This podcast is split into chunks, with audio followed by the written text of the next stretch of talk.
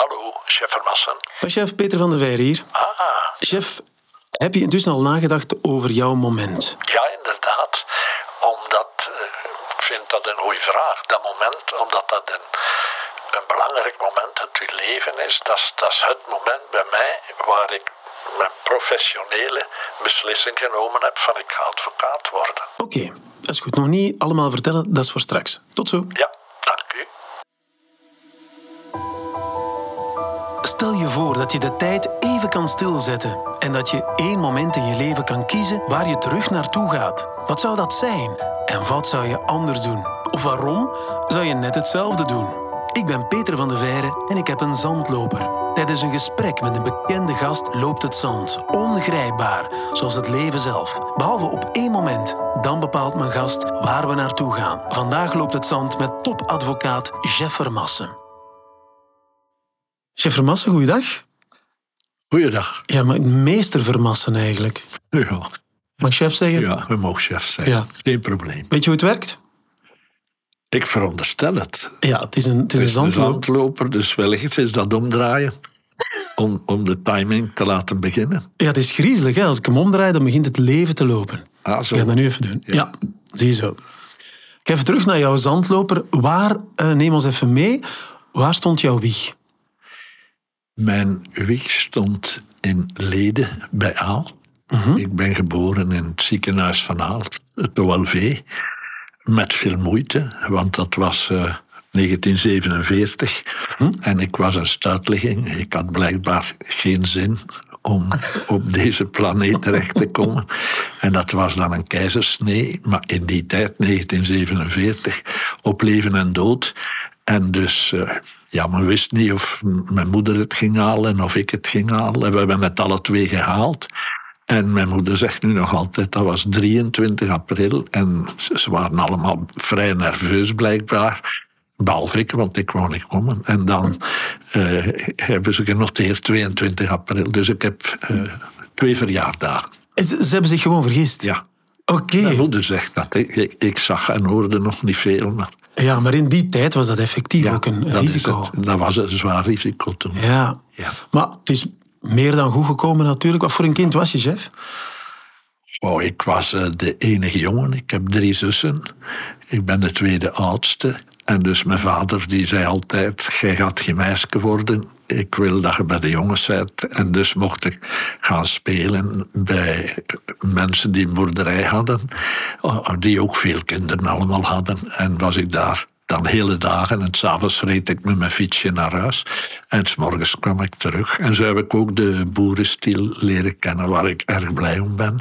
Was je dan de lieveling van je vader, omdat je dan zegt van ja, jij moet echt een jongen worden? Eh, op zijn manier wel, maar vooral ook van mijn moeder zat maar één zoon. Ach, ja. ja. ja. En we hadden nog een groottante die thuis woonde. En eh, ja, daar was ik zeker de lieveling van. Ah. Ja. En ja, was een, was een vrolijk kind, een speels kind. Hoe was die verhouding met, eh, met al die vrouwen dan in huis? Ja, ja, ja. Altijd tussen vrouwen opgevoed geweest. Mijn vader ook, was de jongste van tien. Had acht zussen. Ja, en gelukkig had mijn grootvader gezegd... toen de eerste zoon geboren werd... ik wil nog een zoon. En heeft dan eerst acht dochters moeten laten passeren. waar hij dan het voordeel van had... dat dan de koningin wel meter was... Ja. van tante Lisa, want dat was Elisabeth. Ja. Vrolijk kind. eh, ja, ik had veel plezier omdat ik in de natuur zat. En eh, daar heel veel genoten heb. Eh, ook in de bossen spelen en dergelijke. Dat hebben wij nog kunnen doen. Ja. Ja, want je zegt dan, hè, zo heb ik de boerenstil leren kennen. Ehm, als kind, wat wou je dan als kind worden? Eigenlijk ja, een beetje van alles. Camionchauffeur bijvoorbeeld. Camionchauffeur. Hoezo? Ja, ik, ik zag zeer graag vrachtwagens. Dat waren mooie auto's, vond ik. Ja. En dan rond vijf, zes uur ging ik naar de melkerij waar mijn vader directeur was. En ik had daar een akkoord met zijn technicus. En dan mocht ik die auto's in de garage zetten, s'avonds. En hoe oud was je toen? Toen, dat was op een binnenkoer 10, 12. Ah ja. Tot een dag dat mijn vader het gezien had. En dat was plezier gedaan natuurlijk. Hij wist het niet, ja. Nee. Camionchauffeur is het uiteindelijk niet geworden. Waren er nog dromen? Eh, ja, ik zag graag planten en bloemen en, en dacht in die richting als kind. Eh, maar zeker nog niet aan de rechten, want nu is dat merkwaardig. Nu krijg ik brieven van jonge mensen van 10, 12 jaar die zeggen ik wil advocaat worden. Dat is zeer wonder dat die zo vroeg een beslissing Zo nemen. jong, ja. ik vind dat ook. Ik vind 18 jaar al te jong. Ja, want voor zo'n levenskeuze te maken op die leeftijd, dat is niet gemakkelijk. Nee. Ja, want wanneer besef je dan van, oh, ik wil daar rechten gaan studeren? Ja, dat was een trage beslissing. In de retorica, dat was het laatste jaar, wist iedereen al lang wat ze gingen doen. Ik niet. Voor de mensen die heel jong zijn en naar deze podcast luisteren, de retorica, Ja. was het laatste, Laatste, twee jaar nee. of het laatste jaar? Poëzies, poëzie dus, was het voorlaatste jaar. En de retorica, dat was het laatste, Het laatste jaar Wat nu het zesde jaar wordt Ja. genoemd. Ja. Oké. Ja. En dus in de re- retorica, ja. in de retorica. En met Pasen had ik nog geen beslissing genomen. En eh, ja, dan, dan was ik zo nerveus. Ik heb dan geelzucht gekregen. En eh, dan uiteindelijk heb ik op nippertje dan toch beslist om rechten te gaan studeren. Maar met de bedoeling van ofwel aan de universiteit te blijven en daar prof te worden. Wat men mij ook op een bepaald moment aangeboden heeft, maar toen had ik het te druk. En eh, waarbij ik dan eigenlijk niet direct zinnig was van alleen advocaat te worden, maar ik deed ook nog criminologie, ik deed notariaat, ik deed seksuologie. En eh, Waarom deed je seksuologie? ja, dat eh, je, kon nu ook nog, denk ik, kon u alleen eh, studeren. Maar dat noemde familiale en seksuologische wetenschappen. Ik wou mijn horizon zo ruim mogelijk houden om niet moeten te kiezen. Ja. En ondertussen was ik dan prezes, de laatste prezes, maar wij waren nog dokters in de rechten. Juist. Ja, dat is geweldig. Hè? Nu, als we dat tegen jonge mensen zeggen, ik ben dokter in de rechten, denken die dat wij een zwaar doctoraat hebben gedaan, terwijl we dat gewoon gratis kregen als cadeau. Ja, het waren andere tijden. Een andere tijd. Oké, je gaat dan, eh, gaat dan toch die rechten gaan studeren. Ehm chef de zandloper hier, we kunnen daar iets magisch mee doen. We gaan die stilzetten, want we gaan terug naar een, een heel belangrijk moment waar, ja, waar alles eigenlijk aan vasthangt de rest van je leven. We Ja. gaan hem even neerleggen. Ja. Ehm, chef, neem ons even mee. Waar zijn we dan en eh, in welk jaar is dat? Ja, dat is eh, 1966. Ja. Ik zit in de retorica, dus het laatste jaar van de humaniora. Ja. En onze leraar zegt, we gaan samen naar een assisezaak luisteren. Naar Jullie de pleidooien, ja. Oké. Eh, ja, dat vond ik al geweldig interessant. En eh, Ik ga de zandloper opnieuw laten lopen, Ja. het leven laten lopen. Ja. Jullie zijn naar een echte assisezaak geweest? Ja. Dat Waar was, dat? In Gent, in, de, in het oud gebouw dat nu eh, voor het Hof van Be- Beroep dienstig is. Maar toen zat iedereen daar eerst aanleg en beroep. En achteraan in die zaal, een grote zaal, dat was de assisenzaal. Waar, waar, denk ik, vrouw Justitia voor de zuilen staat. Dat is dat, is dat gebouw of niet? Eh, nee, nee. is een ander. Nee, het is eh, een oud stafhouder die daar een standbeeld heeft. Op het plein daarvoor. Ja. Ah. Oké. Ja. Niet uit. Dat is in, in Brussel is veel mooier nog. Hè. Daar, Ja. Ja, daar staan eh, de wijsgeren aan het begin van de trap om naar Assisen te gaan. Juist. Dat is eh, magnifiek. Maar hier was soberder. Maar dus, we zitten in de jaren zestig. Ja. Jij gaat met je klas naar die assisezaak. Ja. Beschrijf eens, wat voor, een, wat voor een zaak was dat? Dat was een jonge man die eigenlijk het moeilijk had met zijn toekomstig schoonvader. En hij zag zijn meisje heel graag. De morgen van de doodslag dan eh, had hij me daar nog in de tuin staan vrij, want hij heeft een buurvrouw komen getuigen. En dus op een bepaald moment krijgt hij ruzie met die toekomstige schoonvader. Hij pakt zijn geweer, hij wil naar hem schieten, maar hij springt weg en daardoor schiet hij zijn geliefde dood, wat hij Oh. dus niet gewild had. Ja. Vreselijk. Ja, en eh, daarover ging dus de assisezaak. Oké. dus de advocaat van de jonge man, die stond achteraan in de zaal, want wij stonden helemaal achteraan, achter de, een soort afsluiting waar wij mochten staan. En eh, hij stond dus te praten met iemand die ik niet ken. En ik zie nog dat gebaar, zo met zijn hand door zijn haar gaan. Zo van, simpele zaak, simpele zaak, zei hij. En ik dacht, ja, dat gaat dan eenvoudig worden. En uh, hij pleitte dan uh, onder andere over ja, kunstzaken en dergelijke kwamen daarbij te pas. Dat ik dacht, waar zijn jij mee bezig? En over Vondel en Lucifer. En op die manier, hij dacht wellicht dat het is een indrukwekkend pleidooi, maar dat trok dus op niets. Die jongen was dus echt niet goed verdedigd. Dus gewoon dat, die problematiek van de verkeerde persoon, te doden en dat niet gewild hebben en daar zo onder zien, dat kwam niet tot zijn recht. Dat heeft hij nooit meegenomen in zijn pleidooi. Nee. En dan, dan stond ik daar zenuwachtig en ik, ik moest die, die afsluiting vasthouden, want ik had zin om erover te springen en te zeggen, jongen, zet die opzij, ga ik dat doen?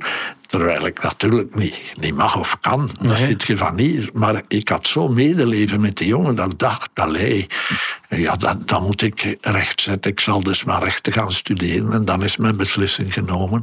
Dus echt door iemand die het niet goed deed, ben jij gemotiveerd geweest om het wel goed te gaan doen? Ja, ja. Nog even terug naar die zaak, want wat is de uitspraak dan geweest? Die is zwaar gestraft. Ik durf nu niet meer zeggen hoeveel, want dat weet ik niet meer. Maar ik vond het veel te zwaar voor, voor wat hij gedaan had. Eh, die verzachte omstandigheden waren vreselijk goed aanwezig, maar ja, daar is toch niet veel rekening mee gehouden. Maar ja, zo'n slecht pleidooi, dat is natuurlijk een handicap voor die jongen natuurlijk. Is dat dan omdat je zo'n zo'n groot rechtvaardigheidsgevoel hebt? Of wat, wat is dat dan? Ja, Heeft dat met de opvoeding te maken bijvoorbeeld? Ja, dat is empathie. Ik ja. uh, heb denk ik te veel empathie. Te veel? Ja, ik, ik leef enorm mee met de persoon die ik moet verdedigen. Dat is zo. Allee, ja. Gisteren ook uh, waren we uitgenodigd bij vrienden. En uh, daar zit iemand aan de tafel en die zegt: Ja, ik heb uh, uw pleidooi dat je voor Pater Damiaan gehouden hebt, ter gelegenheid van de grootste Belg. Mm -hmm. Dat vond ik indrukwekkend, zegt die dame. En uh, daarmee begin ik daar wat over te vertellen. En ik krijg ik weer de tranen in mijn ogen. Echt? Ik zeg tegen mijn vrouw, ik, ik, heb vroeger lezingen over Damian gehad. Ik ga dat niet meer doen, want allee, dat is geen zicht. Te emotioneel. Ja. Ja. ja. En is dat iets dat je dan meegekregen hebt van thuis? Of, of komt dat dat je zo... Ja, misschien wel, misschien wel. Mijn vader had alleszins ook een zeer groot rechtvaardigheidsgevoel. Want uh, als directeur van een melkerij kreeg hij op een dag bezoek bij ons thuis van een Nederlander. En die man zei, als je wilt kan ik hier boter leveren en jij verpakt ze met uw inpakpapier. En je hebt dan zoveel winst en dit en dat. En mijn vader zei, meneer, daar moet er niet voor bij mij zijn. En ik zie het nog. Hij stekte een was bij zijn jas en hij duwde hem buiten. En hij zei, zo moet je bij mij niet afkomen. En dat is dat beeld dat ik blijven onthouden ben van uh, ja, rechtvaardigheid. Mijn ouders waren gelukkig, maar mijn vader schilderde ook, was meer kunstenaar. En ja, die waren gelukkig met wat ze hadden. En we hebben een, een gelukkige jeugd gehad. En op momenten dat hij vond dat hij moest ingrijpen, heeft hij dat goed gedaan. Bijvoorbeeld de jeugdbeweging. Ik zat dan op internaat in Sint-Lievens College in Gent. Mm -hmm. En hij zei, je moet bij de jeugdbeweging gaan. Ik heb dat gedaan. En een jaar nadien was ik al leider. En drie jaar nadien was ik bondsleider, de, de baas van heel de groep. Mm -hmm. En dus allee, op zo'n momenten eh, was hij daar. Bijvoorbeeld ook, eh, je moet naar Engeland. Engels leren in, in zo'n gelegenheidsgezinnen, alhoewel ik het eigenlijk nooit goed geleerd heb. en uh, ook in het Frans. Uh, dat was dan met een, een collega van hem, melkerijdirecteur, waar ik dan het Frans moest gaan leren. En die jongen kwam dan bij ons. Dus hij was daar wel mee begaan. Heeft jou wel gemotiveerd om ja. allerlei dingen te ja. doen. Ja. Maar je zegt van heel, rechtvaardig, heel groot rechtvaardigheidsgevoel, wat je nodig hebt als advocaat, maar je weet dat ook, chef, er worden ook heel veel spelletjes gespeeld. Is ook een, een, soms echt een theater in zo'n zaal. Ja. wat doe je daar dan mee? Wel, ik denk en dat is toch mijn ervaring, dat de meeste juryleden hebben dat door wanneer daar een toneel wordt opgevoerd. Want men zegt dikwijls, het is theater.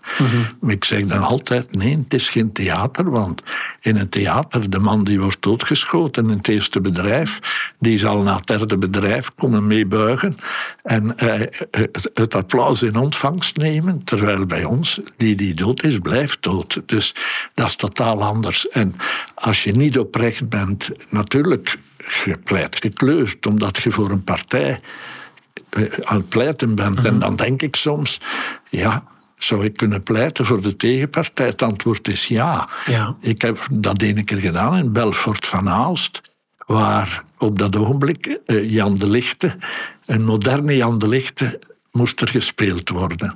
En eh, de tegenstrever, die was ziek geworden, dat was Piet van Eekhout. En dan zei ik, ja, ik zal het alle twee doen. En met een korte pauze tussen heb ik eerst gepleit als procureur. En dat was toneel. En dan nadien eh, voor een moderne Jan de Lichte. Dus je kunt dat wel eh, gewoon die en die kanten belichten en bekijken en een andere invalshoek hebben. Eh, maar natuurlijk... ja, dat, dat is toneel puur. Bij ons is het geen toneel, want op het einde wordt de prijs uitgereikt. Dat is 20 jaar of levenslang of, of 30 jaar. Dus Of de dat vrijspraak. scheelt wel. Of de vrijspraak, inderdaad. Ja. Misschien een gekke vraag, maar als je dan die vrijspraak kan bekomen, kik je daarop? Of, of doet dat iets met jou? ja, dat doet zeker en vast iets. Maar kikken is nu wat veel gezegd. Wat is daar het belangrijke aan? Dat zijn mensen, wat mij betreft, hè, ik zit nu toch al aan, aan 116 assisezaken en eh, ik denk 17 vrijspraken. Maar dat zijn allemaal mensen, vind ik, die het verdienen. Omdat, ja, de vraag is, zijn ze schuldig? De vraag is niet, hebben ze iemand doodgedaan? Want dat weten we. Maar ben je schuldig aan? En schuldig zijn wil zeggen, wetens en willens iets doen. Terwijl als je dan de mensen bekijkt die zoiets gedaan hebben, maar je verdedigt hen, dan, dan kan je begrijpen dat dat, hoe spijtig ook, zo'n misverstand is geworden. Want ik zeg altijd, een, een doding is een misverstand, omdat het mis is met het verstand. Het gaat over emoties die het verstand overspoelen en waardoor dan iets gebeurt dat meestal bij die mensen die ik verdedigde, want ja, je moet daar ook wat geluk in hebben. Je kiest uw klanten niet, maar ja, ik heb er veel gedaan vroeger. En dat zijn dan mensen waarvan je zegt, ja, die zijn het verdedigen waard. Ja. En dan ben ik wel gelukkig, bijvoorbeeld een vrouwtje van in de tachtig jaar, die een man heeft die alle dagen dronken is, die haar slaat. De kinderen kruipen onder tafel als hij thuis komt. En dus, ja, zij heeft dat jaren geduld, jaren en jaren. En dan, eh, op het einde van zijn leven, dan mocht hij niet meer boven slapen van de huisdokter, omdat hij dacht, hij gaat het huis in brand steken. Hij bibberde geweldig en hij wou dan s'nachts een sigaar roken. En hij wou dan ook dat mevrouw met hem nog seks had hoewel hij in de tachtig jaar was. En dus, ja, hij, zei, kom beneden, want ik wil seks. Zij is naar beneden gegaan. Ze heeft gezegd, nee, en je krijgt ook uw pijp niet, want de dokter heeft gezegd dat het niet mag. Ah, wel, dan doe ik u dood, zegt hij. En zij wordt zo kwaad, zij die altijd zo doodbraaf was, dat ze ontspoort en dat ze hem daar dood gedaan heeft, met een mes hem gestoken en blijven steken. En dat mensje was zo eenvoudig en had, heel de familie stond achteraan, de twee kinderen steunden haar, dat ik wel ja, een basis had om te zeggen, vrouwken is onschuldig in die zin. Die man die was een gruwel en op een bepaald moment, en dat zie je vaak met vrouwen, dat ze het niet meer aankunnen. En, en ja, dat daar een ruzie ontstaat. En ruzies zijn altijd zeer gevaarlijk tussen partners. Dat kan ontsporen. En je weet nooit wie het eerst van mondelinge verwijten naar fysieke agressie zal overgaan. Vandaar dat soms de politie daartoe komt en dat ze denken: oh ja, Janneke zou Mieken doodgedaan hebben. En dan staat Mieken aan de deur, want ze heeft Janneke juist doodgedaan. Dus dat zijn dingen die bestaan. Ja. En hoe is dat dan afgelopen? Wat heeft zij gekregen? Prijspraak. Nee, prijs. En zondags kwam ze bij mij. Ze zag er tien jaar jonger uit. En ze zei, oh, nu ben ik gelukkig. Want het kwam erop neer, in dialect zei ze dat dan, nu, nu moet ik die last niet meer meedragen dat ik een moordenares ben. Het was ook een, zeer katholieke, vrome vrouw. Dat is dikwijls van die leeftijd. En eh, ze stapte voetje voor voetje. Ze was zelf ook versleten. Eh, maar ze was zo gelukkig en ze bracht mijn bloemetje. Iedereen is in staat om iemand te vermoorden. Ja, te vermoorden niet, maar te doden wel. Omdat als het juridisch bekeken wordt, moord is voor bedachtheid. En dat kan iedereen. Want dat wil zeggen dat je daarmee bezig bent, dat opbouwt, een methode kiest. eh, hoe ga ik doden en zo. Een plaats waar ga ik ze dumpen dikwijls.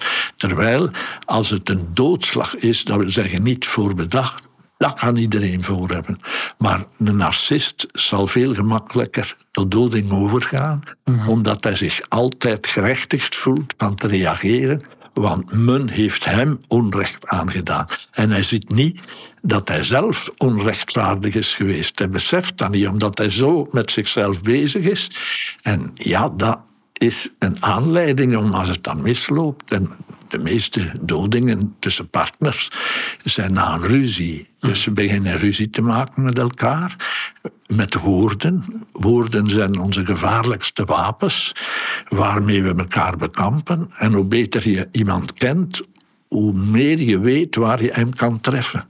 Ja, dan beginnen ze ruzie te maken van jij, jij bent nu een keer juist uw pa.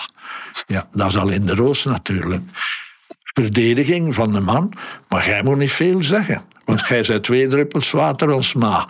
Voilà, het is één-één. De familie is erbij gesleurd. En dan verspringt dat. En dan maken ze om een duur ruzie over, over voeten die ruiken. En, en, en, en jij had het met snurken in bed. En de grootste nozeleden eerst. Tot op een bepaald moment, ja, dat, dat ze dan ontsporen. En ja, zelfs de rector van de VUB heeft het voorgehad. Ik heb hem verdedigd en eh, zijn vrouw was hem aan het kleineren in de auto die hij gehuurd had omdat ze een nieuwe auto wou. En hij zegt, we zullen een keer een avond met die auto rijden, dan zullen we het zien. En ze had hem zo vernederd dat hij slaat in de richting van haar mond. En uiteindelijk is ze dan gestorven, want hij dacht dat ze dood was, maar ze was niet dood. Dat weten we van de wetsarts. En dus uiteindelijk heb ik ook kunnen bekomen dat hij niet veroordeeld is vermoord, maar heeft wel zijn vrouw doodgedaan. Ja. Dat is een verschil, een duidelijk verschil. Maar dat om te zeggen dat dus het iedereen kan overkomen, natuurlijk bijna nooit sociale, normale mensen die naar anderen toe normaal georiënteerd zijn en niet altijd ikke, ikke. En die zullen dat veel minder voor hebben, maar toch kan het gebeuren. Je bent moe, want al die omstandigheden moeten aanwezig zijn. Je bent moe, je hebt wat gedronken om je miserie te vergeten.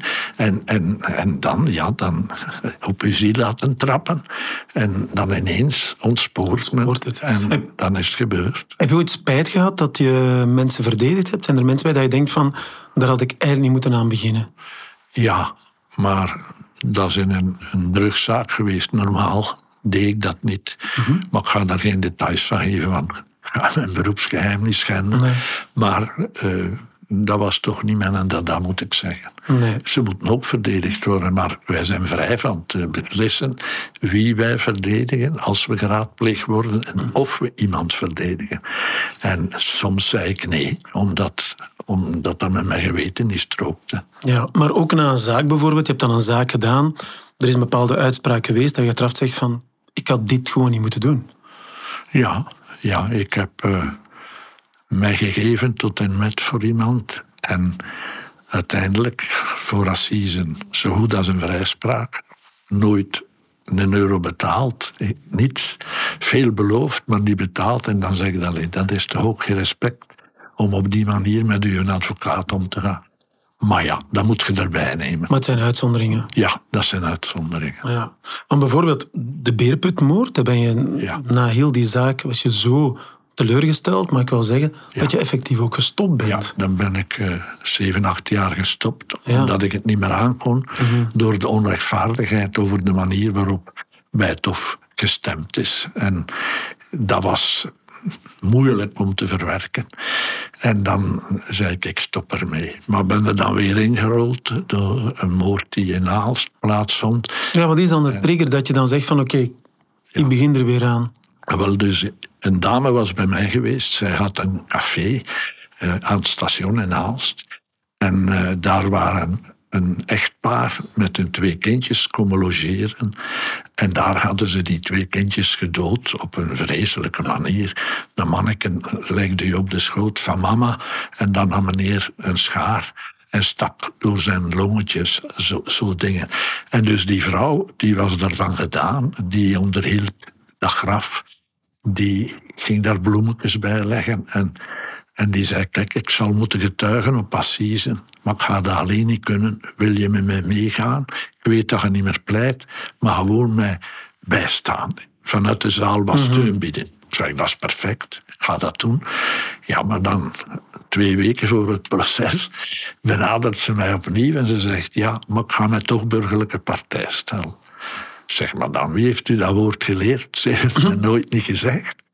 Maar ja, dus was burgerlijke partij zei, nu wil ik dat je mij verdedigt. Ik zeg, ja, maar ik doe in principe geen assise nemen. Ja, maar je ging me toch bijstaan. Allee, na veel discussies zei ik oké, en heb ik dat ook gedaan. Ja, en op 1, 2, 3 stonden ze weer in de rij aan te schuiven om, om hen te verdedigen en, en zat ik er weer in. Je was net aan het vertellen, die, die, die gruwelijke details. Slaap je daarvan? Ja, dat achtervolgt u wel. En... Uh, heel vaak draag je dan een tijd met je mee. We hebben één voordeel. Dat is als je je werk hebt, dat je vandaag voor Mieke pleit en, en morgen pleit al voor Janneke. En, mhm. en, dus je hebt niet te veel tijd om over na te denken. Maar Assise natuurlijk met die gruwel en ook van dichtbij dat verdriet van de slachtoffers. Want ik doe eigenlijk hoofdzakelijk, om niet te zeggen bijna altijd, de slachtoffers ik heb wel voor uh, de euthanasiemoord voor de psychiater gepleit. Maar ja, als zo iemand vervolgens vermoordt, omdat hij op een wettige manier een, een, een, advies geeft in, in een euthanasiezaak, dan wil ik dan wel verdedigen, want mhm. dat vind ik grof. En dus, ja, voor de slachtoffers voelt je mee. En ik heb zo'n aantal kinderen die vermoord zijn. En dat is zo vreselijk. En daar bekomde niet van. Dat draagt je mee.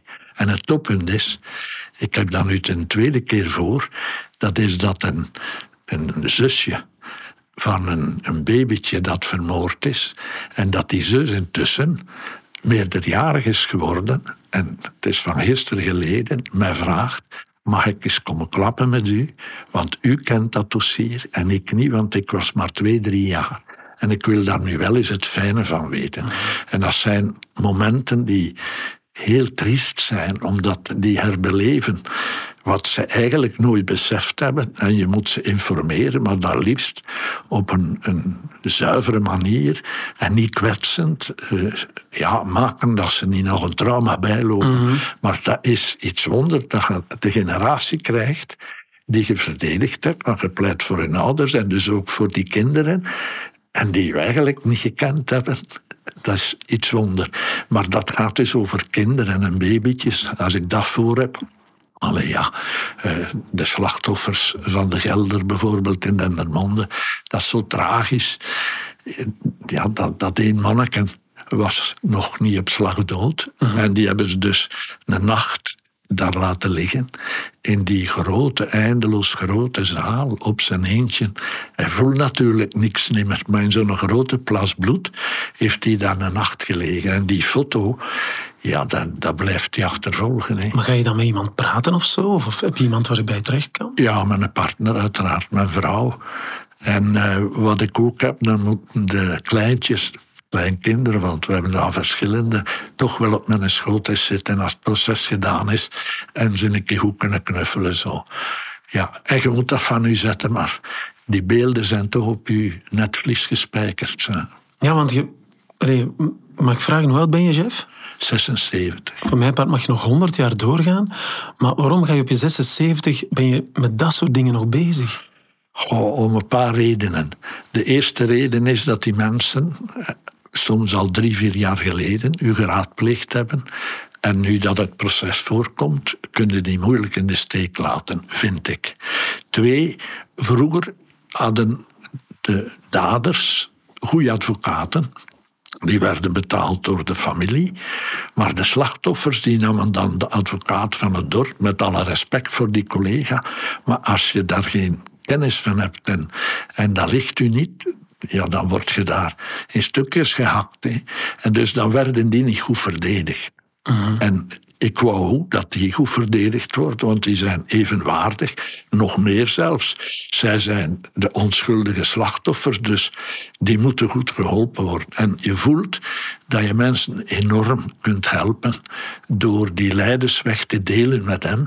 En, en ja, voetje voor voetje naar Assisen toe en voorbereiden en dan zeggen, kijk, dat zal gebeuren hun verklaringen overlopen. Ook de verklaringen van de tegenpartij. Om te zeggen, dat staat u te wachten. En die gaat op die en die manier wellicht u proberen ondermijnen. En dus dat is ook een element waarom ik het doe. En vooral, ik ben eigenlijk veel meer criminoloog dan advocaat. Dat was mijn roeping. Het was ook daar dat ik kon prof worden. Ik heb vijf jaar lesgegeven aan de criminoloog, maar ik werkte intussen. En ik nam dan de studenten mee naar een assisezaak. En nu zijn er al verschillende die bij mij komen, advocaten, die zeggen, weet je dat ik advocaat word? Mensen zeggen nee, door met u mee te gaan naar assisen en door die partijen te horen en te mogen interviewen. En dat is een andere manier van lesgeven natuurlijk. En dus, ja, ik, ik wil altijd weten wat zit erachter. Ben je verslaafd aan je werk, chef? Een beetje wel, denk ik. Ja, ik moet dat toegeven. Maar ja, je bent nu weer met een boek bezig. Nu is het over seriemoord, dat is mijn derde boek. En ik heb ook geholpen aan een wetenschappelijk boek, maar laten we zeggen, criminologische studies, maar dat de mensen het kunnen verstaan. En dus eerst had ik eh, een boek geschreven over de daders, naar aanleiding van het feit dat dus de Beerputmoord een veroordeling was, terwijl ik zeg, uit alles blijkt dat die vrouw onschuldig is. En dus ze moet een motief hebben en ze heeft geen. Dus laten we een keer gaan zien naar motieven. Ik heb daar dan dat boek over geschreven. Dat blijft maar verkopen, is 15 jaar oud. Ik zit aan 110.000 exemplaren. En ja, dan dat tweede is omdat ze dan zeggen, ja, dat slachtoffers, dat doet u niks zeker. Zeg, maar hoe is dat niet mogelijk? En dan ben je boos omdat ze dat durven veronderstellen. En dan heb ik over slachtoffers een boek geschreven. En nu wil ik eens over de slechtste mensen ter wereld een boek schrijven. Daar ben ik daarmee bezig en dat is heel boeiend. Zijn dat de slechtste mensen ter wereld? Ja, als je 400 mensen dood doet, één na één, en een hele stad of zelfs een heel land leeft in angst. En je hebt geen geweten, je hebt ook geen spijt. Eh, je wilt alleen beroemd zijn, omdat je dat gedaan hebt. Ja, dan zit je toch met geen goede mens bezig, denk ik. En dan wil ik ook de seriemoordenaars in Vlaanderen waar ik er toch een stuk of zeven als burgerlijke partij, tegenpartij heb gehad. Ja, ik ken het dossier zeer goed, want ik heb erin gepleit. Ik ken de feiten zeer goed. En dan denk ik, ik ben best geplaatst om daarover te schrijven. En ik wil dus niet dat inhoudelijk die informatie waar ik over beschik, dat die tussen de plooien van de tijd terechtkomt en verdwijnen. Ik wil dus echt wel dat dat bewaard blijft. En dat is de reden waarom ik nu veel schrijf weer. Uh, ja, vannacht nog om vier uur ben ik dan wakker. En dan, dan zit ik te schrijven. Mijn vrouw sliep nog. Ah ja, ze zit ze zit erbij, ja. Ze wist het nog. Ja.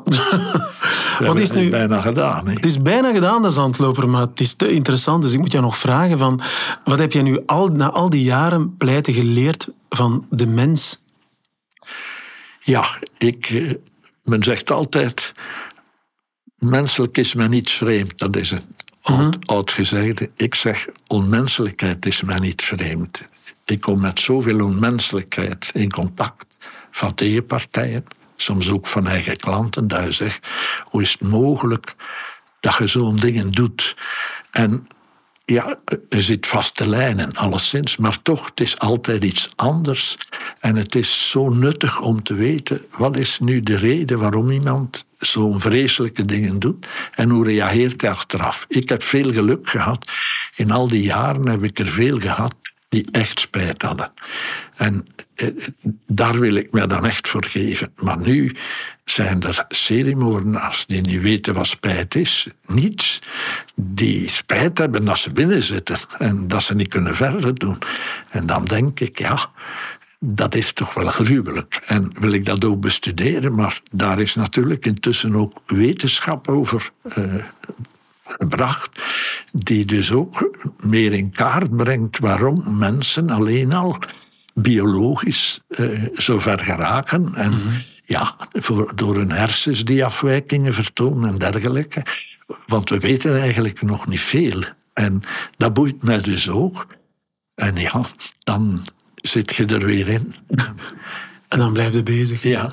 Hoe moeten mensen zich chef Vermassen herinneren? Over pakweg 50 jaar? Oh, is niet nodig. Zeker geen standbeeld, want dan komen de, de duiven op je hoofd zitten. En, dan zit je daar met allemaal die resten op je kop. Dat is niet nodig, maar de zin die ze allemaal zullen herinneren, want dat wordt mij zo dikwijls gevraagd, is iedereen is in staat om een medemens te doden. En dat klopt. En dat zullen ze onthouden. En voor de rest, ja, wat gaan ze onthouden? Ik weet het niet. Nadeel van ons is, woorden vervliegen. En dus, ja, een boek blijft, dat kunnen ze nog lezen. Maar een pleidooi is meestal weg. Ik heb er een paar die opgenomen zijn op band met akkoord van de voorzitter. En die dienden dan als voeding voor de studenten aan de universiteit. En dus daar heb je wat souvenirs, maar dat is eigenlijk meer voor mijn kinderen en mijn kleinkinderen. Dat die misschien wel weten hoe was onze opa. Dat vind ik leuk, maar voor de rest. Groot rechtvaardigheidsgevoel? Ja, ja, liefst wel, ja. ja. Ah, wel, dat pakken we dan mee. De zandloper is voorbij. Ja. Het leven gaat gewoon door natuurlijk. Maar dank u wel, Jeff Vermassen. Zeer graag gedaan. Alsjeblieft.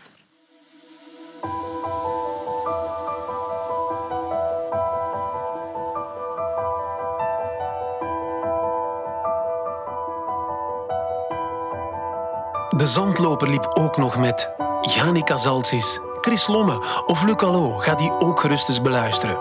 En stel jezelf even de vraag. Als jij je zandloper zou mogen stilzetten, op welk moment zou dat gebeuren? En wat zou je anders doen? Of net niet?